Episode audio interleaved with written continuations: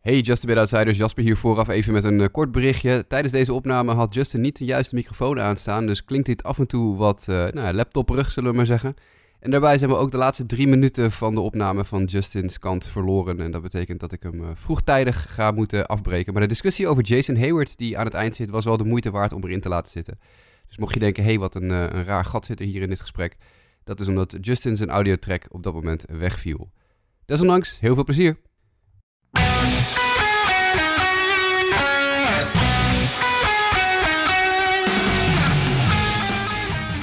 Hallo en welkom bij aflevering 168 van de Just a Bit Outside podcast, de enige echte MLB podcast van Sport Amerika. En nu er ook van alle trade deadline gekte is neergedaald, gaan alle teams nu echt, tenminste bijna alle teams, beginnen aan hun stretch richting de playoffs. En dat en nog veel meer ga ik, Justin Kevenaar, bespreken met Jasper Roos. Jawel, we zijn weer terug. En met Mike van Dijk. Yes, en ook jij bent terug, Justin, toch? Zeker, zeker. Ja, want ik, uh, ik zei dan vorige tegen Jasper, ik zag uh, jullie outline, uh, ik heb de vorige podcast helaas niet kunnen luisteren, maar ik zag wel de outline even bij komen. Die was aardig gevuld in mijn afwezigheid. Maar ja, toch alles van een tweede deadline natuurlijk bespreken. jij was ter plaatse? Ik was wel ter plaatse, ja, ik was ter plaatse. Het was niet Juan Soto's debuut, want dat was tegen de Dodgers. Maar ik was er wel bij toen hij dan thuis eenmaal speelde. Alleen ja, een shirtje gekocht en alles. Goede hoop erop dat hij zou, uh, wat zou doen. Maar toen verloren ze met 1-0 van de Giants. En pas een dag later, toen brak het pas echt los, uit, uit, uiteraard. Maar ach, het was een. Uh, Justin in San Diego, Fernando Tatis gepakt met doping. Er is hier ja, ik, uh, een connectie te maken. Die bevestigen nog, uh, nog ontkennen. nog ontkennen. Je hebt een goede nee, keuze was... gemaakt voor de naam op de rug. Dat ook wel, ja. Want ik zag toch, ik zag die Tatis jerseys daar. Ik dacht toch van, nou, zou ik het toch niet doen? Toen dacht ik van, nee, ik ga toch vragen of ze nog eentje van Soto hebben. Terwijl ik geloof ik ook echt de allerlaatste, uh, überhaupt in medium of large die ze hadden in welke uh, thuis uit. Dit was dat alternate jersey. Ja, die, die ze hadden. Vet, trouwens. Ja, die dus, toen, uh, dus toen zei ik maar meteen van, ja, geef maar. Ineens prijskaartje gekeken en maar meteen afgerekend. Want te laat op de, de, de creditcardrekening krijg je later Ja, wel. inderdaad. Nee, en toen ik later nog op de site keek, ik geloof dat fans waren namelijk aan het klagen dat als ze nu bestellen, dan krijgen ze pas in november thuisgestuurd of zo. Dat sommige Padres fans al lachend zeiden van, uh, straks bestel ik hem, wie weet, uh, begin volgend jaar treden we weer weg en dan uh, ja. zit ik met het shirt. Maar ja, goed, dat... dan waren er toch een geweldige twee weken. Dat, dat zeker, dat waren het geweldige en zeer mooie twee weken. Nee, het was mooi, San Francisco gezien, San Diego gezien en nou ja, weer wat, uh, altijd mooi wat honkbalpotjes te bezoeken in, uh, in de States. En fancy bobbleheads gescoord, hè, zag je? Dat ook zeker, ja. ja. ja. Mooie Otani en uh, zelfs two-headed Otani bobblehead monster, om het zo maar te zeggen. Die blijkbaar limited edition was. Daarom kostte die ook 100 dollar. Daar schrok ik eerst van. En toen toch maar weer gelapt. En toen kwam ik thuis en dacht ik ineens, oh oké, okay. er zitten er twee in. Oh, en hij is limited edition. Oké. Okay hadden ze wat dat betreft ook iets beter mogen aanprijzen. En dan had ik hem helemaal al gekocht. Maar... Ik, ik hou wel van deze manier hoe jij vakantie houdt. Van, ah, fuck it, ik kijk niet naar de prijs. Gewoon maar, betaal ja, maar. Hier, hier is mijn creditcard, let's go. Ik zeggen, daar heb ik van tevoren al met mijn voorliefde voor Amerikaanse sporten altijd al een potje voor apart gezet. Van, nou oké, okay, uh, daar, daar gaat wat geld uh, voor, afgetikt, uh, voor afgetikt worden. En ook bij die van Bellinger dus. Maar goed, daar wist ik dan wel aan. Dat was een speciale All-Star Game editie ding. Omdat die er daar was toen we in L.A. waren. Ik dacht van, ja, dat vind ik dan sowieso een leuk, leuk aandenken. Dus nou ja, dat, dat waren ook mooie aanwinsten weer voor de, voor de kast. En, maar bij thuiskomst, hoe, hoe bepaal je... Bij thuiskomst ja, kwam je erachter dat er twee waren. Dat, dat vind ik nog steeds. Ja, ik had die één dat ik in de, dat ik in de, in de doos gelaten had. was ik de laatste dag of zo die we uh, toen we in L.A. waren en weer terugvlogen. Dus, uh, ja. Maar hoe bepaal je welke speler je koopt? Otani snap nou ja, daar waarom, ze dus, waarom Bellinger? Dat viel me dus tegen, niet zoveel keuze. Uh. Bij de Angels hadden ze echt alleen maar die Otani overal staan. Maar goed, dat vond ik prima op zich. Ja. en bij de Dodgers hadden ze alleen maar Bellinger. Dat ik dacht van, nou oké, okay, vooruit. Ik bedoel, ja. het is momenteel is niet zo heel veel, maar goed, het is wel uh, iemand die tot niet zo heel lang geleden het heel goed deed. Dus uh, nee, want juist bij heel veel clubs, ook bij de Giants, hadden ze, hadden ze niks. Alleen maar van die kinderdingen. Nou ja, ja. Dat, dat, hoef ik dan weer niet. nee, bobbleheads zijn namelijk alleen, zijn echt alleen voor volwassenen. Nee, ja, dat, dat zeker. Ja. Dat, dat maak ik mijn vriendin ook altijd wijs. Ja. Die, die, die, die, keek toch weer even op toen ik er met twee van die dingen aankwam. Nee, maar uh, ja, wat wilde ik er nou nog over zeggen? Nee, Oakland, het, nou, daar hoefde ik sowieso niet echt per se heen. Nee. Ik dacht, nou, die, bestel, die, bestel, ik online wel als ik een keer wat tof zie. En, uh, een Billy Bean bobblehead of zo. Ja, precies zoiets inderdaad. Nee, wat ik zei, Giants deden ze alleen maar met giveaways, zeiden ze. Die verkochten ze niet in de, in de winkels daar. Dus uh, dat was, was jammer. Kregen ze niet mijn geld, dus ja. Ja, nee, ja, helaas. Dat zullen ze voelen in de begroting jaar. Nou, echt wel. Nou goed, laten we aan het nieuws beginnen. Uh, ik zeg net, uh, nou ja, dat zullen ze in de begroting voelen. Iemand die het, uh, nou ja, in ieder geval, ik weet niet of hij het echt voelt in zijn portemonnee, maar daar kun je misschien meteen over gaan hebben. Dat is Fernando Tatis. Want ja, de beste man, die gaf het net aan, Jasper, ik was in San Diego. En nou, niet veel later kwam het nieuws binnen dat hij voorlopig niet meer in actie gaat komen. Omdat hij aan de verboden middeltjes heeft gezeten. Wat een dwaas, jongen. Maar deze gast is echt niet goed wijs. En wat ik wel mooi vond, voordat we in, in de details gaan treden over alle domme keuzes die meneer Tatis de laatste tijd maakt. Is, wat ik mooi vond, is dat zijn hele team eigenlijk gewoon als één man zei van ja, hij moet nu gewoon een keer, nu is het klaar. Weet je wel, met al het gedonder, nu is het een keer klaar. eerst uh, breekt hij al zijn pols, geloof ik, hè, vanwege het uh, motorracen. Aan het begin van het mhm. seizoen ligt hij er maanden uit. En dan vrij kort daarna, want het schijnt dat hij al in maart al positief getest is. En waarom dat dan nog zeven maanden moet duren voordat hij voordat het naar buiten komt, is een ander verhaal. Net echt de week voordat hij weer terug zou komen. Ja, ja. Tatis komt er weer bijna aan. Hebben rehab uh, in ja, ja. San Antonio natuurlijk. Ja, ja precies. Dus, het, uh, dus en dan op het allerlaatste moment zeggen ze nee, ja, we halen hem toch, uh, toch er weer uit. 80 wedstrijden geschorst, onbetaald natuurlijk, hè, want dopingschorsingen zijn onbetaald. Er worden toch elk jaar nog 12 tot 15 jongens gepakt, maar meestal zijn het minor leaguers die net, ja, niet zo heel veel ja, cachet hebben. Maar het was geen goede week voor de familie Tatis, want zijn broertje Elijah werd een paar dagen voordat uh, Fernando gepakt werd met doping, werd Elijah gereleased door zijn team. Dus uh, die had ook een ja, heel slecht seizoen. Nog twee, twee heel slechte seizoenen op rij. Dus dat, uh, dat zou dan het meer getalenteerde broertje moeten zijn van Fernando. Nou, mm. nou nope. Niet echt. Nope. maar goed, nee, Fernando was aan de Klosterbol geloof ik had hij gezeten. Ja. Was dat het? Ja, omdat hij, omdat hij, nee, omdat hij had ringworm, zei hij hè? Ja, wat een onzinverhaal ook weer. Hè? Want hij heeft dus een of ander middel gebruikt waarvan hij zelf zei dat had hij voor ringworm gebruikt. Of, of voor iets anders, weet ik veel. En uh, het was ook alweer een paar van die artsen die op internet zeiden, dat, dat wordt niet voorgeschreven. Dat, heeft, dat heb je helemaal niks aan. Dit spul wat, je, wat hij gebruikt heeft, wat hij claimt te hebben gebruikt voor een ringworm of zo. misschien in de alternatieve geneeskunde, maar... Nee, het wordt helemaal niet voorgeschreven. Hij heeft waarschijnlijk gewoon gegoogeld en hij heeft het verkeerde merkspul gegoogeld. Ja. Hij heeft waarschijnlijk uh, geprobeerd te googlen wat, het, uh, wat voor bijwerkingen er waren. Toen kreeg hij een ander middeltje dat ik geloof Clostaro Bol heet of zo. Net, net even iets anders. En toen zei hij van, ja, nee, dat heb ik voor mijn ringworm gebruikt. En iedereen zegt, nee, is gelul, klets gewoon uit je nek. Dus, weet je, zeg gewoon, ja, ik heb inderdaad geprobeerd mijn uh, herstel te bespoedigen of zo.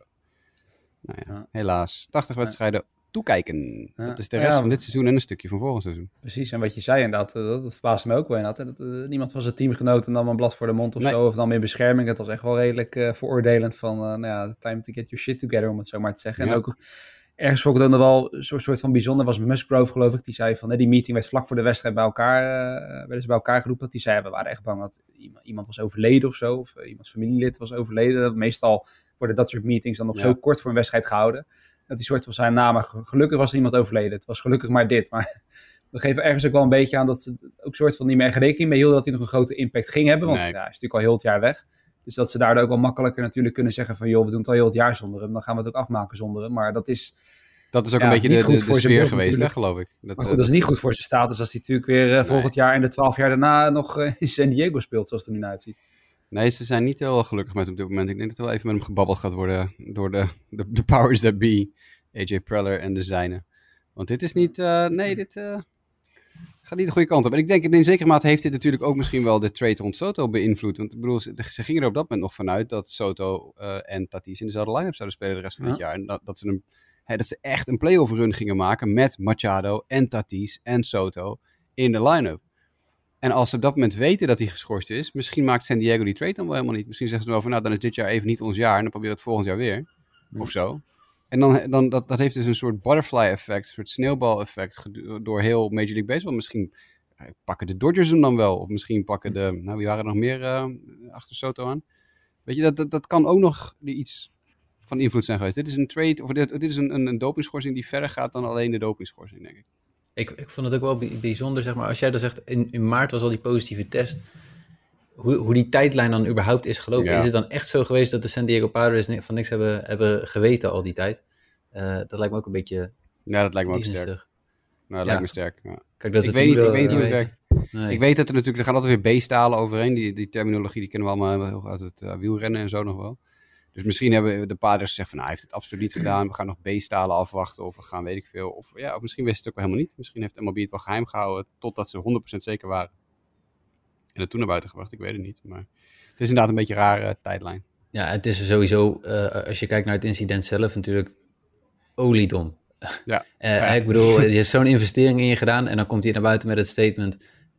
Ja, ik heb niet de resources die ik had, zeg maar, benut om te checken dat het wel iets was wat ik mocht, mocht gebruiken. Dan denk ik van... Nou, Bullshit! ja, precies. Maar ook vanuit de, de Padres organisatie, die zullen echt wel daarna gekeken hebben en advies hebben gegeven als het ze gevraagd zou zijn. Maar het is gewoon echt zo stom.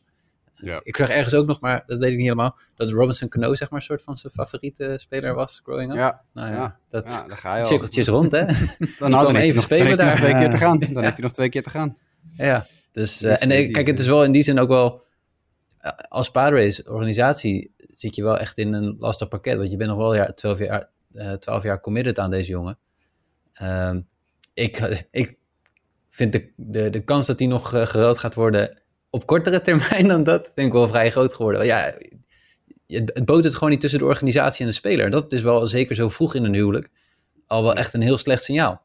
Nou, het irriteert ze vooral heel erg dat hij niet leert. Hij lijkt gewoon niet te leren. Het is gewoon geen, wat dat betreft, niet zo'n hele slimme jongen misschien. Uh, die, die nadat hij zijn pols gebroken heeft met motorrijden, uh, drie weken later op een golfkarretje aan het rondracen is, weet je wel? Dat, ja. dat soort dingen. Ja, en ook met die schouderdingen toch, was het ook zoiets dat hij toen geopereerd kon worden, maar hij koos er zelf voor om het niet te doen, want hij wist het toch zelf, werd er dan gezegd, de anderen zogenaamd beter. En dat typeerde hem, vonden andere bronnen ja. binnen, de, binnen de organisatie. Ja. ja. precies. Dus het is een beetje, ja, ik denk dat ze gewoon een beetje klaar met hem zijn. Maar, de, maar aan de andere kant, jij bedoelt dus... Waarom zijn ze dan aan de voor... Ik bedoel, het lijkt me niet dat hij in één keer een, een complete persoonsverandering, uh, persoonlijkheidsverandering heeft gedaan. Heb je dan aan de voorkant als, uh, als organisatie wel voldoende nou, de inschatting goed gemaakt over wat voor type persoon je ja. zo lang verbindenis mee aangaat. Maar goed, ik 300, 350 miljoen dollar kan iedereen veranderen. Dat is zeker waar. ja. ja, dat is heel simpel. Ja. Ik ben ook niet meer zo'n knuffelige kerel als ik 350 miljoen win. Nee hoor, grapje. Gelukkig. Anyway. Ja, precies. ja. Nee, maar het is wel... Uh, ik, ik, ja, het is... Uh, uh, voor de playoffs vind ik het vooral inderdaad jammer. Zoals jullie zeiden, die playoff, die, uh, die line-up van de Padres was echt iets om naar uit te gaan kijken hoe dat, uh, ja. hoe dat samen zou gaan blenden. En dat dat nu in één keer een halt toe is groep is wel... Is voor, als, als honkballiefhebber is het jammer. Ja. Maar goed, ja. In LA, in LA gaat de vlag uit en staan de bubbels koud. die lijkt ook wel een boost te hebben gehad sinds vorige week toen het nieuws naar buiten kwam. Wauw. Ja, dat, was, dat, dat maakt het al misschien wel pijnlijker. Maar goed, misschien dat, zal ik tot slot te denken, misschien dat daarom het nieuws wel lang uit is gebleven. Want je zegt net, hè, misschien was Soto dan wel naar de Dodgers gegaan, dat toch hogere machten waren die dachten van, nou, dat hoeft ook Laat, niet. maar even voorbij de, de, ook, de maar deadline dat ook ja. niet. Laten we hem even wachten. Ja, precies. Ja. Nee, dat, uh, maar ja, het is al niet te min inderdaad wat we allemaal hebben gezegd al. het is uh, zeer spijtig. Dan uh, naar managerial nieuws, want het was natuurlijk een tijd geleden sinds de laatste manager eruit was gegooid. Toen vroegen we ons nog hard op af, Komt er nog een volgende? Nou ja, die komt er inderdaad. Komt er nog, komt er nog een volgende en waarom is het Tony La Russa? Maar nee. Ja, nee, en dan toch geen Tony La Russa. Het is, uh, sterker nog, het is een heel stukje verder weg, helemaal in Texas namelijk. Chris Woodward van de Rangers, uh, ja, zat er al drie jaar. Uh, Mike kreeg het eigenlijk nooit echt aan de praat. alleen, het verbaast mij dan misschien wel een beetje dat hij nu wordt geslachtofferd. Aan de andere kant, kan je weer stellen, kan je nu meteen kijken wat je nog verder voor vlees in de kuip hebt. Maar hij mag het niet afmaken in ieder geval. Ja, de ambities waren natuurlijk, of de, de verwachtingen waren uh, hoog uh, bij, de, bij de Rangers, naar aanleiding van hun offseason, waarin ze diverse spelers contracteerden. Nou, dat heeft, hebben ze niet echt uh, waar kunnen maken. Nou, niet, niet alleen diverse spelers contracteerden, maar ik geloof 300 miljoen dollar uitgegeven hebben of zo. Precies, ja. Flink committed. ja, het, het, is niet dat ze even een, een, 5 miljoen, een, zootje 5 miljoen dollar per jaar spelers hebben gehaald of zo. Nee. nee, maar het is in die zin wel opvallend dat de twee teams die het meest actief zijn geweest in die offseason. Want ik denk dat de Blue Jays toch ook wel uh, een van de teams waren die uh, veel spelers hebben gecontracteerd en veel uh, geld extra hebben committed. dat daar de managers inmiddels al van zijn vervangen.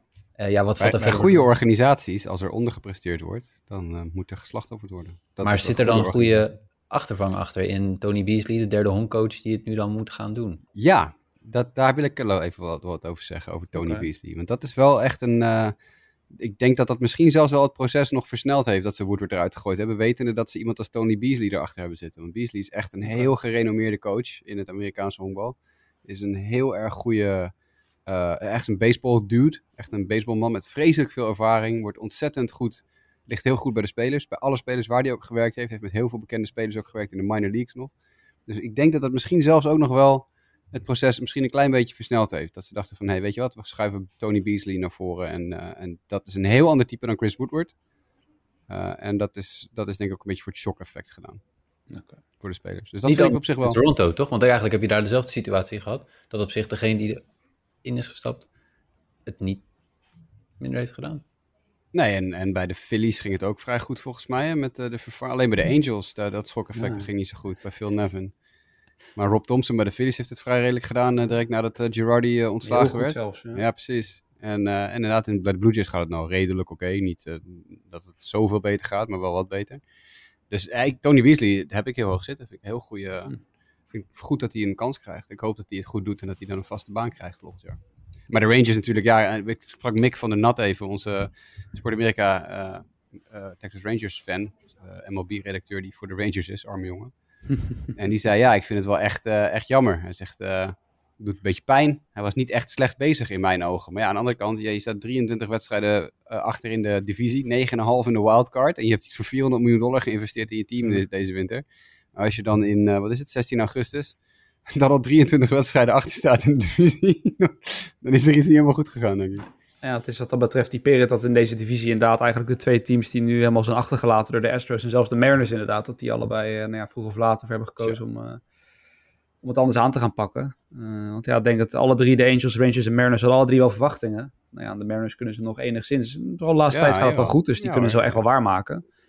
Eh maar de Rangers en de Angels, dat is natuurlijk een verloren seizoen zo. En ja, ik weet niet. Het is sowieso dat Texas al eigenlijk, sinds- dat was natuurlijk ook al voor, voor Woodward al, eh, al een beetje, ja, het gaat niet echt ergens heen of zo. En inderdaad, Nee, deze dat is zomer het. proberen ze het weer een beetje, maar het is, eh, ja, het, het, het is, het is, het boeit, nou ja, ik wil niet zeggen dat het verder me niet boeit wat ze doen of zo, maar het is wel echt zo'n team wat heel erg in mijn mijn ranking is gezakt, zeg maar, qua, ja, dat er boeiende spelers zitten of zo. Of, eh, dan moet ik zeggen, er komt wel wat talent aan, geloof ik, hè, de komende jaren, als het Mhm. al een beetje mee zit, maar dat moet dan hopelijk het, eh, het verschil gaan maken. Ik, probeer even te- ik zit terug te denken wie ook alweer nou eh, de speler is die nu bij de Texas Rangers speelt, die ook al met Beasley heeft gewerkt bij een andere werkgever. Dat weet ik even niet meer. Hij heeft bij de Pirates gewerkt en er loopt volgens mij een jongen bij de Rangers rond die bij de Pirates al eh, met hem gewerkt heeft. Mm, ik Maar kijk even, even mee. niet- Charlie Culberson, kan dat? Nee, het was, het was een iets, eh, iets, meer, iets meer grotere naam. Maar ik bedoel, Beasley is voormalig Double A Manager of the Year. Eh, hij heeft de Futures Game eh, voor Team USA gecoacht. Mhm. Eh, hij heeft eh, bij de Nationals in Double A gezet, eh, gezeten als manager. Hij heeft in Triple A gezeten als manager.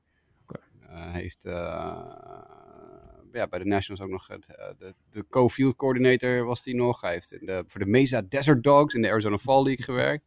Dus is echt wel iemand met heel veel ervaring hoor. Dat is wel, eh, Nou, Ja, klinkt, klinkt niet verkeerd, want ik zag toevallig wel een Athletic artikel waarin dan onder andere Brett Osmus weer, weer, alweer, alweer werd aangehaald, zeg maar. Oh, Dat, God. eh, ja. Nou, dan ga je van Chris Woodward naar Brad Osmus. Dat is echt dat is de ene voor de ander inruilen. Die zijn Ja. precies hetzelfde. Daarom, dat vond ik ook een beetje typisch. Maar goed, het was dan meer, het was niet, eh, niet echt een openierend artikel, maar meer van dit zijn de opties die ik heb Ja. gehoord in de, in de wandelgangen. Maar Joe Madden is available. ja, die stond er ook zeker bij. Ja. Nee, Tony Beasley, vergeet niet, je kan ook zingen. Hè? Hij, heeft een keer, hij heeft een keer het volkslied gezongen voor een wedstrijd van de Pirates. Kijk Dus aan, ik denk kijk. niet dat het heel snel in het eh, profiel zal staan van de manager eh, om, om dat te kunnen, maar Nee, maar hij kan het het kan wel. nooit kwaad. Het kan En, het, en, en, en ook puur als je kijkt naar eh, eh, de demografie. Dit is een, een African-American manager. En daar zijn er niet zoveel van in de majors. Dus eh, altijd goed om er eentje bij te hebben. En hij is 1-0 tot nu toe. Hij heeft een winstpercentage van 1000. Dus, Who's next trouwens? Ja, en, en, eh, en het is sowieso de, de, de, de laatste African-American manager die ze hadden, was Ron Washington, toch? Denk ik. Ja. Nou, dat ging heel wat jaren, dat eindigt natuurlijk vrij pijnlijk, maar dat Ja. ging heel lang heel goed. Dus ja. heel lang heel goed, ja. Who's En next? kent de organisatie door en door. Qua bijltjes? Mhm. eh, de volgende, ja. blijven nog steeds in. eh, ja, ja ik, ik, ik hoop het wel. maar Ja, Tony? Ja. Eh, ja, ik hoop het, Tony. maar ze kruipen nu weer richting de leiding, hè? Dus dan. eh, Ja, ze hebben net vannacht de Astros weer verslagen. Dus eh, ondanks dat een fan, ik heb jullie het filmpje al gestuurd, maar de mensen die het niet gezien hebben nog, er was een, een oudere man, oudere man zeg ik met alle respect, een man van in de 50, begin 60 misschien, die naast de dugout van de White Sox naar, naar Tony La Russa schreeuwde, Tony, zet Adam Engel als pitch runner op het tweede honk, die is veel sneller. En op dat moment komt Tony La Russa uit de dugout lopen en die zegt time-out. En die zet Adam Engel op het tweede honk als pinch runner. Dus nu zijn blijkbaar de fans die al suggesties doen naar Tony La Russa wat hij moet doen voor, eh, voor het manager. Maar goed, eh, ik hoop dat hij eh, ook eh, binnenkort zijn, zijn biezen kan pakken. Ik denk dat in Cincinnati er misschien nog wel iemand op de hot seat kan zitten. Arizona. Arizona misschien ook wel. Uh, Colorado zich, eh, ja. zou ook moeten, maar dat gaat niet gebeuren, denk ik. En ik vind misschien Minnesota al wel interessant, maar meer in de trant van als die echt helemaal verder nu gaan instorten, dan... Ja, Maar goed, dat is dan misschien niet voor het einde van het seizoen, maar dan denk ik wel dat... eh, En normaal gesproken zou je zeggen ook een Davy Martinez bij eh, Washington of... eh, eh, ja. hoe heet die knakker? eh oh, ik zit net, net het op zijn naam te, te kauwen en nou ben ik me kwijt. Team, Miami. dan? Madding, Madding. In Mattingly, ja, dankjewel. Ik zit echt serieus, terwijl we zitten te praten over andere managers, ik, ja, Don Mattingly moet ik ook nog even noemen zometeen. Maar goed, die, die zouden ook natuurlijk niet, die gaan ook niet zo heel lekker, maar die zitten wel redelijk stabiel, denk ik, in het zadel, ondanks... Lage Dat zijn, verwachtingen. dat zijn, Ja, precies, dat is het, lage verwachtingen. Weet je. Dan heb je een gerenommeerde manager van wie je weet dat, je, dat hij in ieder geval ook jonge, jonge jongens kan opleiden, want dat kunnen ze allebei, Davy Martinez en eh, eh, Don Mattingly. Maar hmm, eigenlijk zouden ze weg moeten. Ja. Maar goed, je noemt, eh, je noemt dan net de Reds en dat is misschien een mooi bruggetje naar de, de Field of Dreams game die er was. Eh, die de Cubs wonnen van de Reds. Ja, ik heb er zelf eh, niks van gezien. Dat had gezien het tijdsverschil makkelijk gekund. Maar het was precies de dag dat ik in het vliegtuig zat. Dus daarom ook Mike, je appte ons in die groep. En ik dacht dus dat hij de dag erna was, maar toen was hij al geweest. Dus dat, eh, ja, ik heb er alleen maar een hele korte samenvatting van gezien. Ik weet niet, hebben jullie... Nou ja, goed, jullie waren waarschijnlijk aan het slapen, gok ik. Maar Ja, dat heb je goed gegokt. Ja. Nee, ik was op vakantie. Sterker nog, ik was ook op vakantie. Dus ik, heb, dus, ja, ik lag wel te slapen, maar niet in mijn eigen bed. Daar komt het een beetje op neer. Maar goed, ik zag wel de beelden en jullie zullen hetzelfde hebben. Het, het zag er wel weer leuk uit, toch? Het, eh, Het had een paar heel leuke dingen gedaan, ja. ja. Maar ik Het- vond... eh, Ja, ja, het, het, het lijkt affiche. Ja. Ja, dat, dat is het toch gewoon, jongens. Wat een ontzettende deceptie weer. Dit is toch, dat- je kan toch niet, je neemt de twee, meest, eh, nou ja, twee van de meest historische franchises, eh, die ook op de- daadwerkelijk nog goed zijn op dat moment, vorig jaar. En dan kom je dit jaar met twee Mhm. historische franchises, want dat is natuurlijk wel waarom ze ze gekozen hebben. Het zijn, de Cubs en Reds horen natuurlijk ook bij de oudste organisaties in, eh, in de Major League. Maar die zijn allebei zo slecht op dit moment. Oh, mijn hemel. Joey Votto met een microfoon, altijd leuk. Dat wel, ja. Nou ja, en het, het was dus wel goed, goed bekeken. Het was in die zin, wat ik vond het wel een beetje eh, misleidend. Er waren heel veel sites die zeiden van, hè, de kijkcijfers waren 50% gedaald eh, sinds vorig jaar. Maar er stond er wel uiteindelijk in tekstje onder van, het was nog steeds wel de meest bekeken National Audience Game of, of the Year. Eh, dus ja, het, het charmeert mensen wel, blijkbaar, ondanks dat het dan ja, niet de twee beste teams waren. Eh, Ja, de Maar magie inderdaad. is wel anders. Tenminste, ik, ik had zelf vorig jaar heb je gewoon dat je alles voor het eerst ziet. Ja. En, en eh, eh, toen was al een hoop geanceneerd natuurlijk. Dat was nu niet anders. Maar nu had ik wel meer de indruk van... eh eh, ze hadden wat mij betreft ook iets minder dit, dit kunnen doen. Maar tegelijkertijd, ik vind met name gewoon de ballpark heeft zo'n unieke sfeer en setting. Als je die, die graanvelden in dat outfield ziet. Dat blijft wel echt bizar. En dat vinden de spelers ook eh, hartstikke mooi. Twee shots die mij echt enorm opvielen. Was het ene shot, hebben jullie misschien ook wel gezien, het camerabeeld dat ze Joey Votto en nou ja, wie er op het eerste honk bij Joey Votto stond, de loper van de Cubs. eh, dat, ze, dat ze een soort van laag camera standpunt hadden dat omhoog filmde, dus langs die twee lopers heen. En dan achter, op de achtergrond een gigantische maan. Een gigantische volle maan. ik geloof het En wel, dat is ja. echt magisch beeld. Dat, dat, dat, dat plaatje moet op een filmposter afgedrukt Hm. worden, dat is echt pure magie. En natuurlijk het hologram van eh, Harry Carey. Ja. Wat een is dieptepunt in de wereld was dat weer. Nee, grapje.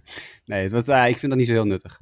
Nou ja, het was grappig om het de eerste keer zo toegepast te zien worden. Dat vind ik Ja. dan zeg maar, dat ik denk van, hé... Hey, ik eh, had eigenlijk de hoop dat ze die naakte, die halfnaakte Harry Carey zouden doen. Die eh, aan het eind van zijn carrière zat hij elke dag super dronken in de booth met gewoon zijn t-shirt uit en zo, met zijn dikke pants in, het, eh, in de zon. Dat die wedstrijd toen. Ik had eigenlijk de hoop dat ze die zouden hebben eh, genomen, maar nee. Dat toch maar weer niet. Mij bleef vooral die enkel bij van Contreras. Die dubbelklapte. Hij Oh ja, ja. Oh, Mm. fuck, ja. heeft wel de wedstrijd afgemaakt.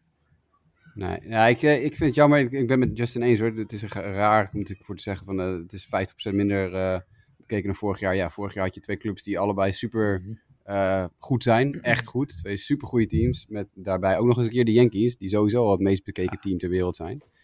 En dat zijn met alle respect voor de Cincinnati Reds. eh, dat zijn zij niet. Nee, dat, eh, dat is nog een understatement eh, inderdaad. Maar goed, Overigens, ja, dat, een paar dagen na de Field of Dreams game kwam eindelijk... Want je weet, dat hebben we vorig jaar over gehad, hè, dat Frank Thomas, de Hall of Famer, die heeft met een soort paar business partners heeft hij het Field of Dreams stadion gekocht. Mm, Dit ja. stadion, waar wedstrijden in gespeeld worden. Eh, en eh, het hele gebied eromheen. En daar gaan ze dus, volgend jaar is er dus waarschijnlijk, zoals het er nu uitziet, geen Field of Dreams game, omdat ze er aan het verbouwen zijn eh, dan. En ze gaan er een gigantisch sportcomplex van, van maken, wat er allemaal Ah, omheen komt te liggen. En het is, ik heb de tekeningen gezien. Jeumig, wat wordt dat mooi. Ik heb, ik heb daar wel iets over gelezen inderdaad. Of ik denk in een tweet voorbij zien komen inderdaad. Maar dat... Oh, leren wat mooi. Ja, ik heb hem geretweet. Misschien dat je hem gezien hebt, omdat ik dat hem geretweet heb. Ja, Precies. Wat een prachtig complex. Er komen allemaal jeugdvelden en trainingsvelden. En daar kunnen dus clubs en, en colleges en high schools kunnen daar trainingskampen gaan doen als ze dat willen. En je, wat mooi zeg, wat stik jaloers ben ik daar nog op dat soort dingen. Geen, nog steeds geen profvoetbal in Iowa, maar dit soort dingen kunnen ze wel aardig neerleggen daar. Ruimte genoeg. Er woont verder geen hond natuurlijk, maar dat... Daarom, dat helpt, uh, dat helpt ook wel, moet ik zeggen. Zelfs in uh, Californië kan ik, uh, kan ik je zeggen, er wonen heel veel mensen in die steden, maar kan je ook twee uur rijden zonder dat je iemand tegenkomt. Dat, wat dat betreft in heel Amerika zo. Maar goed, laten we teruggaan naar het, uh, naar het honkbal, na deze topografische uh, les. Uh, je had het over teams die dan niet zo best zijn in de Cubs en de Reds. Nou, de Tigers kunnen daar denk ik ook wel onder onder onderschaden. De, de, teams daar sowieso in die regio Midwest hebben misschien allemaal wat, wat moeilijk over het algemeen. En de Tigers die namen daarop de beslissing om hun GM El Avila te ontslaan. en ja, Mike, het is misschien een beetje hetzelfde verhaal als wat we net met Texas over hadden. Ook hier een team dat aardig wat investeringen deed. Uh, alleen ja, het is misschien iets te vroeg om de manager ervoor te slachtofferen. Dus is de GM aan de beurt. Ja, en dan is ook een beetje de vraag, wat, wat heeft hij nou zeg maar achtergelaten? Uh, of wat, wat is nou hetgeen wat hij bereikt heeft? Ik zag dat jij ook uh, had, had, genoteerd. Hè? hij is geloof ik in 2016 na David Dombrowski aangetreden. En het enige wat hij heeft bereikt is dat in zijn tweede seizoen zijn de Tigers nog geloof ik tweede geworden.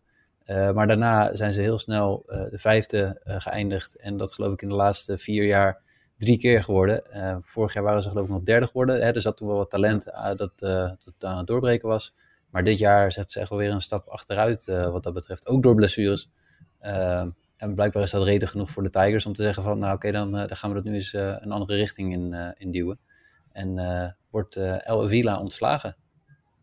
Nou, we hebben het een paar keer gehad natuurlijk over El Avila's manier van, van een roster bouwen. Weet je wel, dat, dat is niet ja, we hebben wel eens onze vraagtekens gesteld, uh, gezet bij de manier waarom geef je Eduardo Rodriguez een vijfjarig contract voor 75 miljoen dollar, dat hij eigenlijk feitelijk gezien helemaal niet verdiend heeft. En dan komt er nog bovenop dat hij in één keer verdwijnt en niet presteert.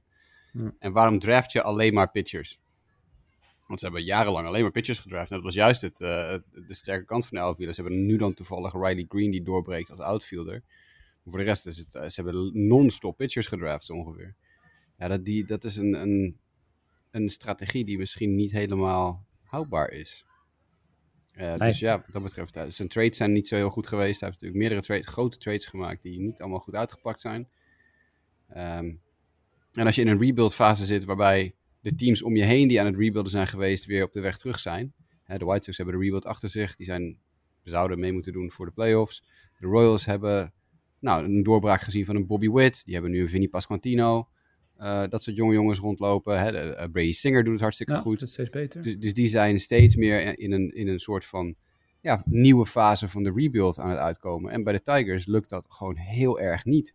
En dat heeft natuurlijk ook te maken met dat er nog steeds een paar jongens rondlopen die er helemaal niks meer te zoeken zouden moeten hebben. Hè. En, uh, Miggy Cabrera, leuk voor wat hij allemaal gedaan heeft. Maar het enige wat hij doet is op de payroll drukken en niet, verder niet zo heel veel meer. Maar ook, ja, weet je, jongens als, uh, nou ja, ze hebben dan net Robbie Grossman weggetrade, maar die heeft natuurlijk ook een paar jaar lang niet zo heel veel gedaan voor de Tigers. En, en, en Jaime Candelario is ook niet echt dat je denkt, een super, heeft niet, is niet de super doorbraak, de superster geworden die ze voor ogen hadden. Dus ja, op een gegeven moment moet je dan inderdaad een keuze maken. Nee. Nou ja, wat je zegt, en dan met al die jonge pitchers waar eigenlijk, uh, nou ja, Casey Mice zat natuurlijk al een tijdje in, maar goed, die is nu ook weer een tijd eruit dus. Ja, en met Schoolbal net ook weer. dus goed, ja. goed, echt goed leek te werken nu, maar ja, die ligt er ook uit. Uh, voor ieder geval dit seizoen. Uh, ja. Ja, Meadows, Meadows was een goede, op zich was dat een goede trade hoor. Trade voor Meadows was op zich ja. kon je heel goed verdedigen, maar ja, die is ook niet, je denkt, mwah, heel erg succesvol geworden. Bias is natuurlijk ook weer, nou, dat is wat we allemaal voorspeld hebben toen het gebeurde. Deze jongen, die jongen is gewoon niet zo heel goed. En ik weet dat Tigers fans me gaan aanvallen. Uh, om, ja, hij heeft ook één keer een ballen te vallen of zo. Bias is niet zo goed als dat geld zou moeten, als zou moeten zijn. Als je kijkt naar wat Carlos Correa doet in Minnesota. Uh, dit, dit, ja, sorry. Nee, dit, dit gaat gewoon niet werken. Dit was niet de, de, de, de speler om je, om je hele rebuild aan te gaan koppelen, denk ik. Maar goed. Nou ja, en dat is ook inderdaad, ik heb nu dat roster aan het vormen. Uh, je hebt het dan over inderdaad met, hè, dus alleen maar die pitchers gedraft. En dat zie je denk ik ook wel het team, want inderdaad, je hebt Riley Green die dus tijdens uh, El Villa's tijd is gedraft en dus Mhm. het eerste heeft gehaald in die zin. Maar ja, voor de rest is het allemaal uh, letterlijk een bij elkaar geraapt zootje, zeg maar. Met dus wat Ja, geld wat nu gespend is aan, aan bias. Ja, precies. En, en, dan kijk je naar al die jonge pitchers. En het zijn echt wel talentvolle jongens hoor. Je hebt natuurlijk, je noemt Miles, je noemt Screwball, je hebt eh, Matt Manning nog rondlopen. Je Ja. hebt, eh heet die jongen van Florida ook alweer? Alex Faedo. Die zijn allemaal geblesseerd. Ja. Allemaal geblesseerd. Ja, dat gaat ook ergens, ergens in de rest van de organisatie is niet goed. En het is natuurlijk niet alleen een roster build. Hè. GM's die zijn niet alleen maar verantwoordelijk voor het bouwen van een roster en het bouwen van een coachingstaff. Die zetten de lijn uit in de hele organisatie. Nou, dan gaat daar in de hele organisatie van alles niet goed. Nee, dat, uh, dat lijkt me duidelijk. Ja, dus uh, nee, de Tigers uh, weer een seizoen om te vergeten. En uh, nu dus volgend jaar met een nieuwe GM gaan bouwen. Ik ben benieuwd wat ze gaan doen. Want dat, is tot slot natuurlijk nog het laatste wat we misschien zijn vergeten. Wat hem ook een beetje werd verweten. Kijk, dat hebben natuurlijk de White Sox ook al wat dat betreft last van gehad. Maar ook daar dat de Tigers ook eigenlijk rond de trade deadline vrij weinig deden. Ja. Terwijl het wat eigenlijk een zinkend schip is. ja, dan toch niks doen. Dat kan je ook heel moeilijk, moeilijk verdedigen. Dus misschien is dat wel daarna, ja, zeg maar, de laatste druppel geweest die de emmer deed overlopen voor de eigenaar van de Tigers. Ja. Dan uh, even naar het nieuws, toch kort naar een kleine score-update. Um, want ook daarin is toch wel het een en ander gebeurd. Tenminste, vooral de EO is er denk ik best wel wat gebeurd. Wat interessant is om te bespreken. In de National League is er dat betreft misschien vrij weinig uh, veranderd. Al wil ik straks toch wel even natuurlijk weer kort benoemen hoe goed de het momenteel uh, ja, doen. Maar laten, laten we beginnen bij, bij de buren. Want de Yankees die leken toch heel lang onaantastbaar, Jasper. Alleen de laatste weken, uh, het loopt eigenlijk van geen kant. Ja, ze hebben geluk dat de voorsprong die ze op hadden gebouwd echt gigantisch was, maar het gaat ja, moeilijk. Sinds, en, sinds Joey Gallo weg en sinds Joey Gallo staat ballen eruit in LA, ja. Dat is ongelooflijk. Ja, sinds Joey Gallo weg is gaat het niet zo goed meer, nee. Nee, dat is niet, ja, maar maakt iemand zich zorgen? ik vond Nou het wel, ik- ik zag moest wel dat, beetje, Als je om Twitter en zo. die, die trade die ze gemaakt hadden voor Jordan Montgomery, die wel, Mike en ik hebben die al een beetje afge, afgezeken al in de vorige uitzending. Van, nou, een beetje een rare trade, dat je Jordan Montgomery wegtrade, terwijl je eigenlijk helemaal geen pitching hebt. En dan, ik geloof drie dagen daarna gooit Jordan, Jordan Montgomery een shutout tegen de Yankees of zo. dat vond ik wel mooi. Die, die trade die heeft niet zo goed uitgepakt, want eh, ik geloof Frankie Montas, die kreeg klappen. En eh, Jordan Montgomery gooide een shutout tegen de Yankees of zo. Dus, eh, nou. Heel vaag inderdaad, ja. Toch? Maar bedoel- niemand maakt zich zorgen, toch? Maak Nee. jij je zorgen, Mike? Nee, zeker niet. Nee. De Yankees gaan het halen. Eh, Nee, ja, dat, dat, dat wel. Maar het is misschien wel natuurlijk richting eh, de topaffiches straks. Dat mensen denk ik wel een beetje zenuwachtig worden van nou... eh, Je kan niet het hele, hele seizoen, zeg maar, alleen maar aan de top zijn. Dus het is nu gewoon even iets minder. ja, behalve in LA, maar... Ja, precies. Dat is wel waar. Dat is wel waar. Nee, maar wat wel opvalt, zeg maar, als je kijkt naar de, de statistieken van de Yankees, hebben we het gehad over het, het wegruilen van Montgomery. Maar qua starting pitching stats steken de Yankees er best wel bovenuit. Wat dan misschien nog wel weer verrassend is, omdat je het niet zo, zo- eigenlijk zou verwachten. Ehm, maar nee, ja, dat, eh, het is, eh, ik, ik, ik maak me echt geen zorgen om de Yankees eh, Nee. of zij überhaupt de playoffs gaan halen. Het is gewoon nu hem uitrijden richting oktober. En Iedereen fit Dan- houden en precies. doen. ja, Wat ik wel mooi vind, dat is, als we dan in deze divisie blijven, is hoe goed de Mhm. Orioles het doen sinds, wat was het, eind mei of zo? Ja, Oh, ik dacht 2012 of Nee, zo, dat je wilde zeggen. nee, maar ze hadden toen... Sinds, eh, sinds juni, sinds juni. We hadden het er op de honkbalweek Ja. toen over, geloof ik. Dat ze toen inderdaad net hun eerste positieve maand hadden gehad. En, ah, hebben ze hebben nu eh, in juli en augustus winstpercentages van 640 en 700. Dus dan in Ja. juli waren ze 16 en 9 en in augustus zijn ze 9 en 4 en in juni waren ze 14 en 12. Dus ze hebben, eh juni wel- hadden ze al boven 500, maar in juli en augustus zitten ze bijna, tikken ze de 700 zo wat aan qua winstpercentage. Dus die zijn in, eh, in goede vorm. Ja, en toch ook, en dat vind ik dan ook wel leuk om te zien, toch daarin, we hebben het net over de Tigers, dat een beetje bij elkaar geraapt zootje was, op maar niet wil werken, dat daar toch ook best wel wat, wat gasten in rondlopen, die ze allemaal wel zelf gewoon natuurlijk, eh, die vanuit de organisatie komen, zeg maar. Dus dat, dat maakt dan ook natuurlijk wel leuk met zo'n Austin Hayes en Mullins, Rutschman, Mountcastle. Ja. Ah, Nee, ik- die nu debuteert, die nu gaat debuteren. Hall, ja, ja, ja, ja. ja. Nee, ik vind het hartstikke leuk. Ik dacht, aan ik Grayson Rodriguez. Ja. Ja, nee, ik dacht, ik kom terug van vakantie en dan zullen de Orioles wel weer een negatief record hebben, maar Nee, zeker niet. nee, het is leuk. En, eh, en ik was, maar ik weet niet of jij dat erbij had geschreven, dat ze dus ook nog inderdaad de payroll eh, aardig gaan... eh, Ja, dat had ik inderdaad, dat zag ik net nog even staan. Ja. Mike, Mike Elias, de GM, heeft gezegd dat ze volgend jaar significant de payroll gaan opschroeven. Dus dat betekent dat deze goede reeks Baltimore toch ertoe heeft gezegd van... hé hey jongens, de, de jonge jongens beginnen door te breken. Het gaat goed. We hebben het naar ons zin. En we gaan, eh, nou, we gaan weer eens even kijken of we mee kunnen doen met, in het geweld van eh, New York, Tampa en Toronto. Nou En ja, wat, en- er, wat er dan ook volgend jaar met Boston gebeurt. Want wat er dit jaar aan de hand is, is ook niet helemaal duidelijk. Nee, precies. Maar als je in ieder geval ziet, ik bedoel, Dat is ook een Tampa hot Bay seat en manager. eh, Toronto kunnen ze bijhouden. Ja, Cora. Ja, Boston zou ook een hot seat manager moeten dat zijn. heb ik voor geen meter, nee. Nee. Nee, dus dat is inderdaad een beetje dan de situatie in de, in de, in de East. Uh, nou, laat, laten we anders gewoon even maar chronologisch doorgaan. Hè. De Central hadden we het net dan kort over. Hè, dat dan toch, het, het blijft daar dat samenklonteren van die drie teams. Nu zijn ten eerste de Guardians die er bovenaan staan. Uh, die daarmee toch een beetje vriend en vijand verrassen. Dat ze toch weer het ook daarin volhouden. En de Twins die dan een kleine implosie hebben. En ja, jouw White Sox, Jasper, die er toch... Ze blijven erbij hangen. Nou, net, net de Tigers gesweept en de Astros verslagen. Dus misschien... Kijk. Johnny Cueto, die, uh, die heeft van de vorige week is hij een beetje boos geworden. Die heeft even uh, wat, uh, wat dingetjes geroepen over dat, er, dat er ja, wat harder gewerkt moest worden. En sindsdien hebben ze niet meer verloren. Plus dus inderdaad een sweep en een, een winning, overwinning tegen de Astros vannacht. Ja, de Indians, de, de Guardians, heb 5 euro in de pot. De Guardians die zijn 8 en 2 in de laatste 10. Die, die zijn gewoon echt een heel goede, heel goede reeks bezig. Um, en Minnesota, ja, dat is ja, in Minnesota, er is iemand, een uh, televisie- en mediajongen in Amerika, die noemt ze altijd de weird-ass Minnesota Twins. Omdat je nog nooit een touw vast kan knopen wat er allemaal gebeurt. Zeg. En dat is, klopt volgens mij wel. Het zijn nog steeds de weird-ass Minnesota Twins. Want uh, die, ja, de ene goede reeks wordt met de andere slechte reeks uh, afgewisseld. Dus ik denk, ja, puntje bij paaltje hoop ik dat uh, wat de White Sox de laatste week hebben laten zien, dat dat uh, een signaal is dat er meer gaat komen. Want ik geloof volgens mij dat ze twee of drie gewonnen van... Ze hebben nog geen serie verloren volgens mij sinds de All-Star break, zeg ik even uit mijn hoofd. Dus nou, als, je maar, kunnen. als je maar series blijft winnen, en dan verliezen ze, heel vaak de, verliezen ze heel vaak de eerste wedstrijd in de serie, maar dan winnen ze de rest. Weet je wel, tegen de Kansas City Royals, eerste wedstrijd verloren, de volgende drie gewonnen. Dus uh, dat, dat, is, dat is prima. Blijf maar gewoon series winnen, dan denk ik dat het wel goed komt. Dan kom je er wel, ja. Dan, uh, nou ja, tot de West hoef ik niet zo lang bij stil te staan. En natuurlijk net lang over de Rangers gehad. En de Angels, die allebei een beetje droevig op uh, meer dan 20 wedstrijden achterstand op de Astros staan. Staan daarmee veel dichter bij de Athletics, wat best knap is. Want die hebben 9 op rij verloren. Nou, ja. 33 en half. Die hebben 9 op rij verloren ook. En dan nog staan de Angels daar dicht, veel dichterbij dan bij de Astros. Dus dat... Uh, ja, we hadden het net vooraf erover. ik geloof, ja, Mike had ook gezien dat de Mariners speelden vandaag tegen, tegen de Angels. En die geven die wedstrijd dan ook weer weg, de Angels, in de laatste inning. Dat zegt, zie je ook twee fans na afloop, zie je dan zo op de tribune zo zitten kijken van, waarom zitten we hier nog naar te kijken? Het is echt heel, heel, heel pijnlijk. Uh, maar... Terwijl de Mariners uh, dus op het goede pad zitten. En dat vind ik Precies. leuk. Luis Castillo erbij natuurlijk. Uh, mijn afwezigheid hebben ze die binnengehaald en dat werkt. En ja, dat is mooi. Mooie dingen. Scott Surface, die was het zijn 500ste win of zo. ja, het gaat zo goed in Seattle dat ze zelfs Kyle Lewis, de Rookie of the Year van 2020, teruggestuurd hebben naar de Miners.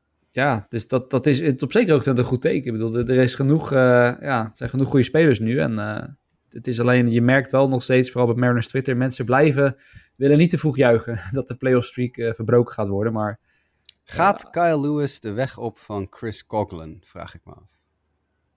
Hmm. Ik moet zeggen, ja, Coughlin heb ik vooral een beetje in, in zijn nadagen meegemaakt, maar dat is dus in de zin van dat hij niks meer dan een reservespeler wordt eigenlijk. Die, ja, precies. Ja. Coughlin won Rookie of the Year. En, uh, ik geloof de Marlins, nou een fantastisch rookie seizoen. Ja. En is daarna eigenlijk helemaal niks meer geworden. Ja, oké, okay, het is een major leaguer geworden, maar meer een, uh, nou ja, iemand die, die op de bank hebt zitten en die af en toe een keer een wedstrijdje speelt of zo. Ja.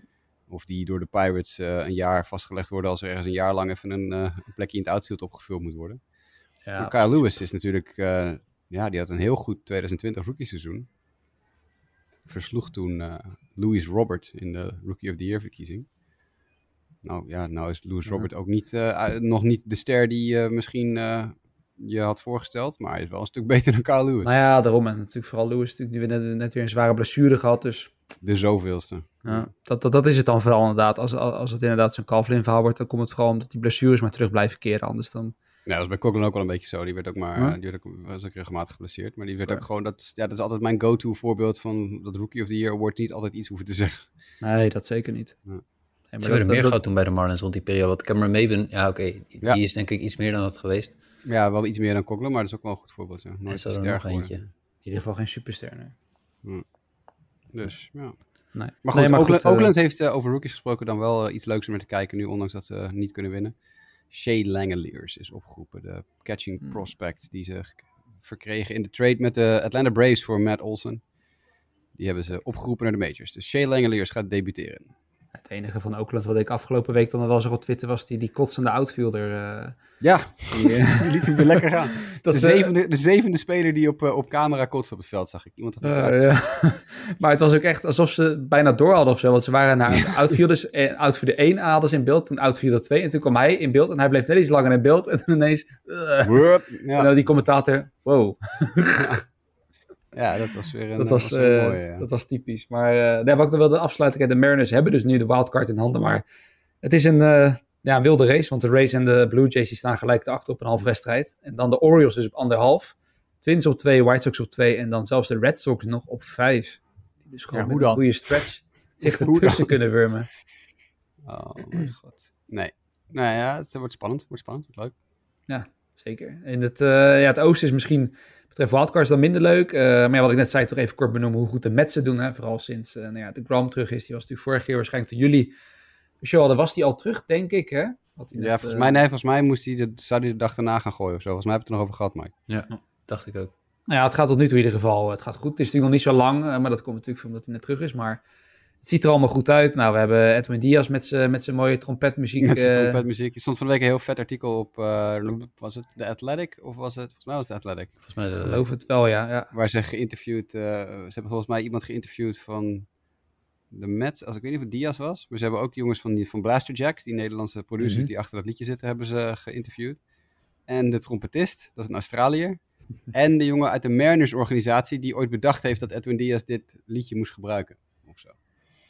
Dat schijnt al bij de Mariners vandaan te komen.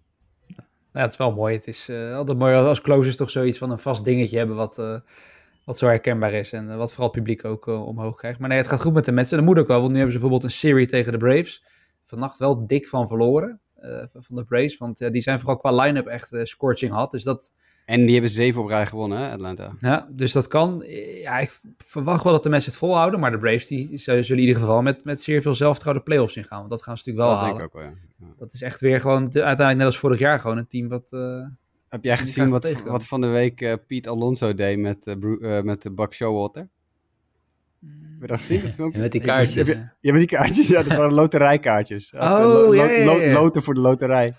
Ah, dit- Ze staan op de heuvel, volgens mij was er een pitcherwissel. En dan had Piet Alonso had twee, twee loten uit zijn zak van de staatsloterij of zo. En die geeft ze aan Buck Showalter. Nou, dat is gezicht blik. van Showalter. Dat is Ja, echt ja. fantastisch. Dat is zo verschrikkelijk Die grappig. keek ook echt aan van, wat moet ik hiermee? Zo grappig was het, ja. mijn hemel. Maar dat is meestal een teken van een team dat natuurlijk goed in hun vel zit. Als je dat soort grappen gaat Mhm. uithalen, als je dat soort practical jokes, dat je op, op de heuvel staatsloten aan je manager gaat geven. Dat is dan wel weer humor.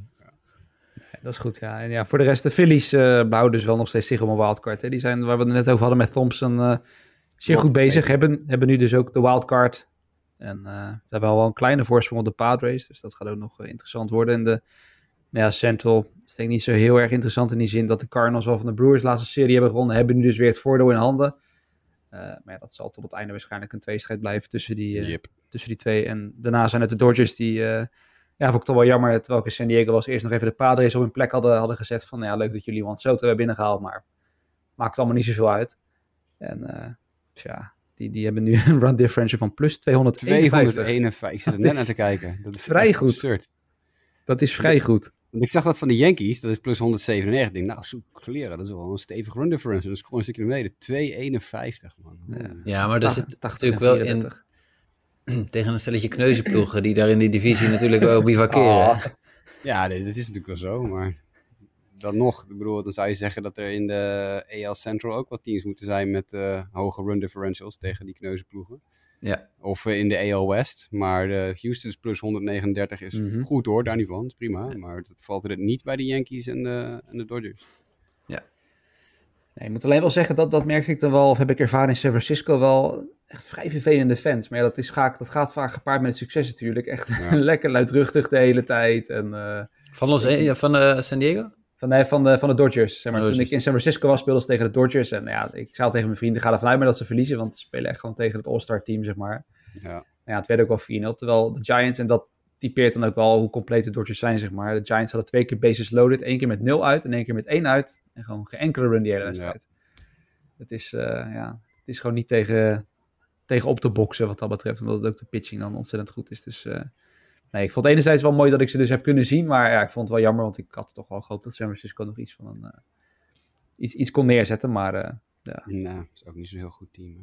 Nee, dat, daar kwam ik daar ook wel achter. Ja, toen die line-up daar zag, dan weet je ook niet heel... Uh, uiteindelijk werden, ik geloof mijn vrienden, die, die zijn allemaal totaal niet van honkbal, werden nog het weeswarm van Joey Bart, die wel een aardige wedstrijd had. Maar, ja. Sindsdien inderdaad, sinds jullie bezoek daar is Joey Bart volgens mij uh, ja, dat wel. in vorm uh, gekomen. Ik geloof dat hij drie tot vijf home runs, laatste anderhalf ja, week. Nou ja, sowieso die dag voordat wij er waren had hij aan een uh, home run geslagen. Ja. En ze vonden het opkomstnummer van Wilmer Flores heel leuk. Die komt op op het Friends deuntje.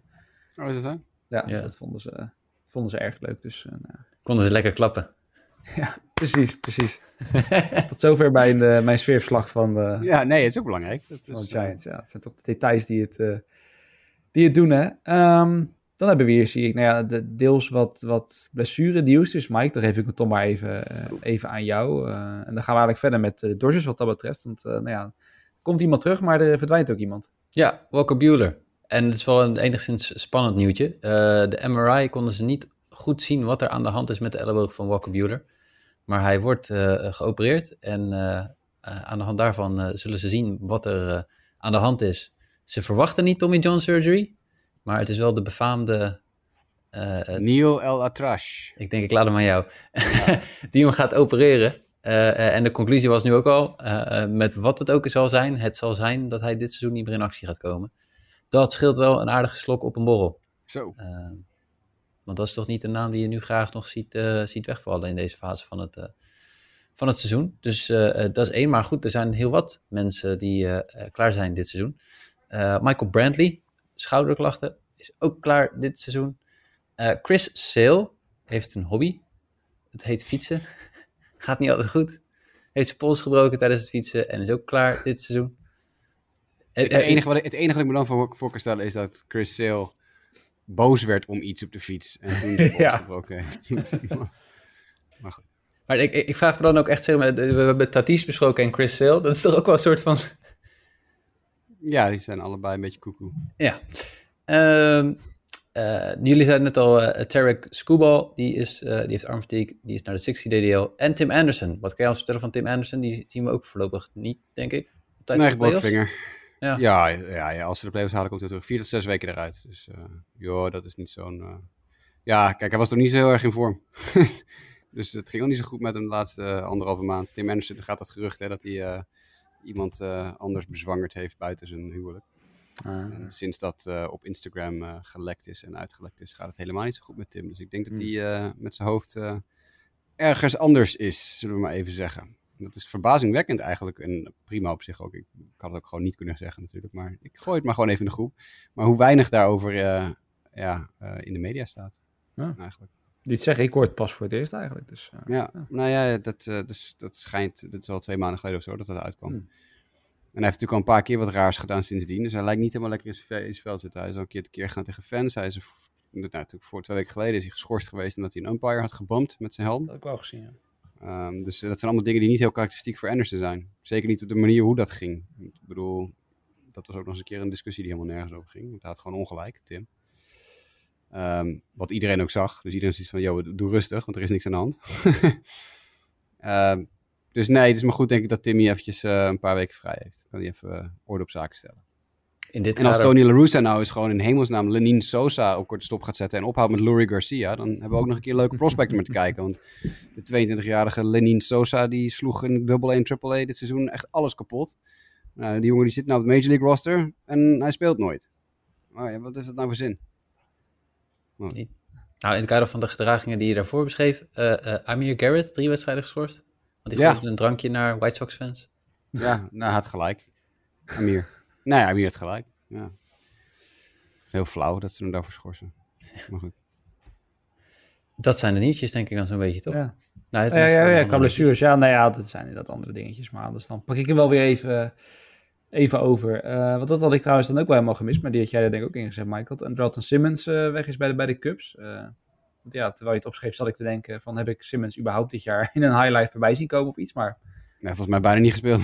Nee, daarom dus. Uh, het is een beetje jammer dat toch zijn carrière zo een uh, stil einde tegemoet, uh, tegemoet lijkt te gaan. Nou, dan kan hij zijn vrije tijd gaan besteden aan het bijlezen over hoe vaccins werken en zo.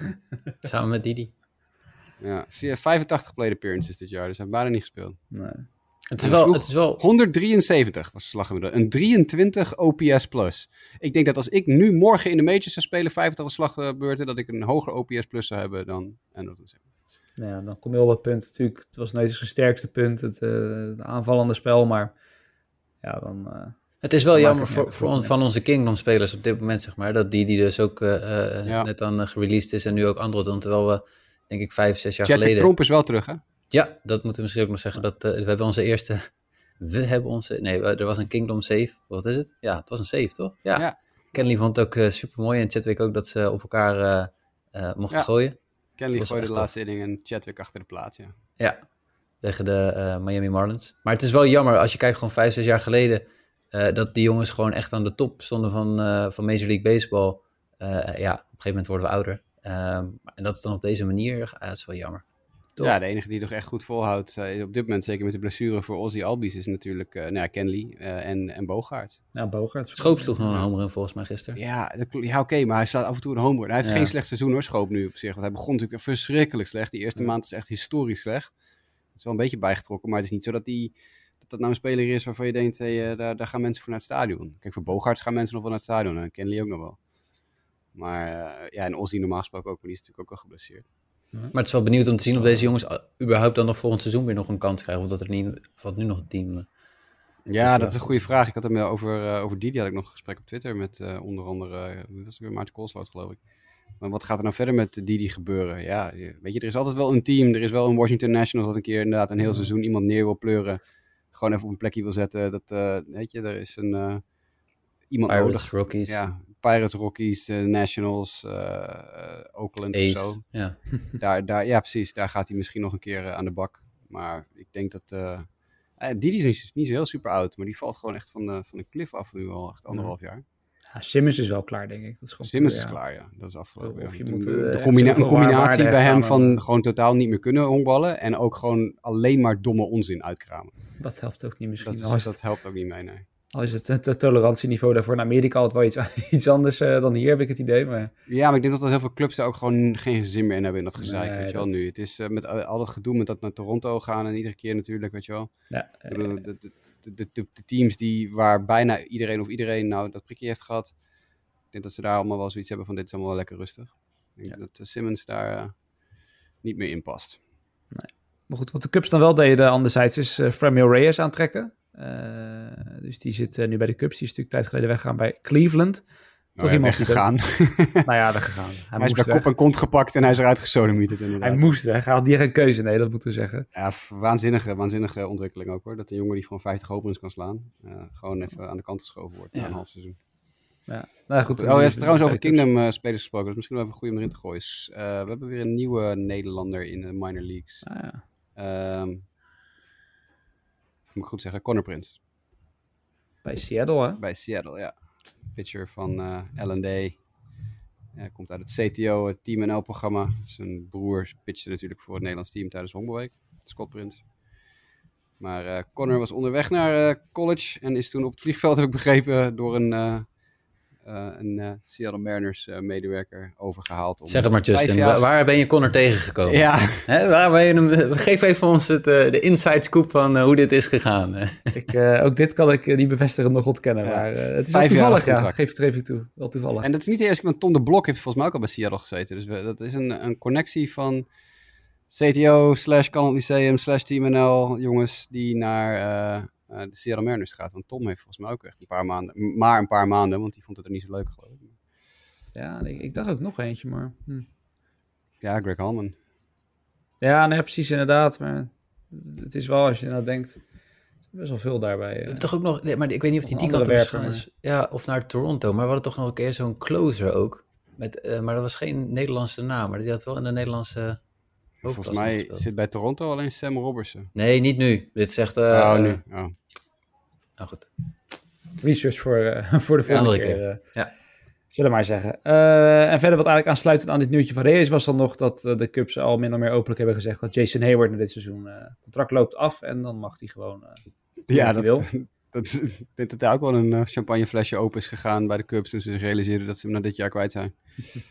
dat schiet natuurlijk ook niet meer op voor dit, voor dit bedrag. Maar die gaat ook wel ergens tekenen hoor. Maar die gaat denk ik voor veel minder moeten tekenen ergens. Want die is natuurlijk, heeft door de Cubs veel te veel betaald gekregen voor wat hij uiteindelijk gepresteerd heeft. Ja, die was dan ook eigenlijk, uh, als je het net over gasten die, kijk, uiteindelijk hebben we wel een prima Major League speler geweest lang heel die tijd, maar ik weet nog echt in de tijd bij Atlanta, toen hij daar wegging naar de Cubs, was echt wel een beetje superster in wording, uh, zeg maar. Ik denk, dat, ik denk dat, als ik heel eerlijk ben, want Jason Hayward heeft helemaal niet zo'n heel goede carrière gehad. Uh, niet tenminste, nee, nee. nee, heeft hij nee, het, heeft, het, is geen goede hype die er was, het is een heel middelmatige carrière geweest. Er, zijn, er zijn genoeg spelers die aan genoeg die, die zoveel war verzamelen als hij zijn hele carrière doet, die dat in twee jaar doen of zo. Uh, waar Jason Hayward natuurlijk altijd enorm van geprofiteerd heeft, is een waanzinnig goed eerste seizoen. Uh, en die twee home runs die hij op opening day sloeg. Ah. Volgens mij was het, was het de opening day van zijn, van zijn rookie seizoen. Sloeg yeah. op, in de eerste wedstrijd twee ja. uh, home runs. Ja. En toen, dat, was, dat was direct nadat hij in uh, in spring training daarvoor. Dus spring training 2010 is dat geweest, denk ik. Ja. Spring training 2010 sloeg hij een paar echt kanonskogels van Homens. Maar dat je, echt, dat je echt met open mond kijkt van waar gaat die bal in hemelsnaam landen. En dat heeft ervoor gezorgd dat hij zoveel hype heeft gekregen dat hij en natuurlijk meteen bij de Braves op het uh, opening day roster stond. En hij sloeg twee homers in de openingswedstrijd. Nou, wat voor eerste indruk wil je achterlaten? Hij werd tweede in de Rookie of the Year verkiezing. Hij kreeg notabene MVP-stemmingen en was een, een All-Star dat jaar. Daar zijn ze natuurlijk in Atlanta ook wel vaker goed in, hè? Maar als je kijkt naar die jongen, is nu wat, 12 jaar in de majors gespeeld, 13 jaar in de majors gespeeld. En heeft uh, 1, 2, 3, 4, 5, 6. De helft van zijn seizoenen heeft hij een OPS Plus ver onder de 100. Hè? Dus ver onder. Dus de helft van de seizoenen die hij in de majors heeft gespeeld, is hij ver beneden gemiddeld. Maar echt ver. En de andere helft was hij, nou, variërend van heel goed, zoals in zijn rookie seizoen, tot uh, nou, in 2020 had hij nog wel een aardig seizoen. hoeveel hoeveel 2020 seasons heeft hij uiteindelijk gespeeld? Want de hype was natuurlijk dat hij had zowel wat speed als hij kon een home run slaan. Volgens mij was dat een beetje de, de combinatie. Eén. Ja, dat valt dan toch tegen. Ja. 2012, 27 home runs, 21 steals. Ja. Dat is ook de laatste keer trouwens dat hij... Uh, even kijken hoeveel MVP-stemmen heeft hij Oh, nee, hij heeft drie keer MVP-stemmen gehad. Maar uh, nooit in de top uh, 12 geëindigd vind het niet heel erg als, als een Dexter Fowler. Misschien ook, doe ik Fowler dan nog tekort. Ja, dan denk ik dat je misschien Fowler nog wat tekort doet. Ja. Zullen we eens kijken voor de gein? Zullen we die eens vergelijken? Dat is wel een interessante vergelijking. Uh, ik zie Justin wel voorzichtig denken van jongens PSV, hè? Kom op. PSV begint, ja. ja, nee. Hayward is wel iets beter dan, uh, dan Fowler nog, maar... Uh... Nou, maar, maar goed, dan zit het, dat is, dat is puur als je naar War kijkt. Hè? Maar als je naar, naar OPS Plus, dus aanvallend gezien, want Hayward is natuurlijk een waanzinnig goede, echt een waanzinnig goede defensieve outfielder. Laten we dat vooropstellen. Ja. Dat is hij, is hij wel echt beter dan 90% van de mensen die in de Major League rondlopen. Maar ik heb puur even over aanslag. Want daar word je natuurlijk ook voor betaald. Want er is niemand die defense only is die een contract voor 184 miljoen dollar krijgt. Nou, Jason Hayward is feitelijk gezien min of meer defense only geweest. Of dus, ja, min of meer. Uh, dus dit is eigenlijk gewoon een heel middelmatige carrière voor iemand die 184 miljoen dollar heeft gekregen. Maar hij is nu pas, tussen aanhalingstekens, 33 jaar. Ja. Dus. Nou, wel 184 miljoen in de kassa, ja. Maar ik weet wel dat als we iemand, wat was het, 340 miljoen gaan bieden, gaat hij zich wel anders gedragen. Dus, dat, dus ja. laten, we daar, laten we daar... weet, je wat, weet je wat zijn tweede naam is voor Jason Hayward? Zijn, zijn, zijn doopnaam? Dat zie ik nu. Alias. Jason alias Hayward. Volgens mij wist zijn moeder niet wat alias betekende. ah, Oké, maar dat terzijde. Maar goed, hij heeft natuurlijk 2022, we hebben het over. Hij heeft één homer geslagen dit seizoen. Hey, Didi Gregorius, 1 OPS plus hoger dan Jason Hayward dit seizoen. Hé hey, ja? 58 OPS plus voor Didi dit jaar, 57 voor Hayward. Didi heeft dubbel zoveel RBI's Dubbel zoveel twee honkslagen. Dubbel zoveel hits. En dan hebben we het over Jason Hayward. En door het wegvallen van Justin's audiotrack aan het einde van deze uitzending hebben we ook geen sign-off. Dus bij deze Jasper weer eventjes in post-production. Hartstikke bedankt voor het luisteren en graag tot de volgende aflevering.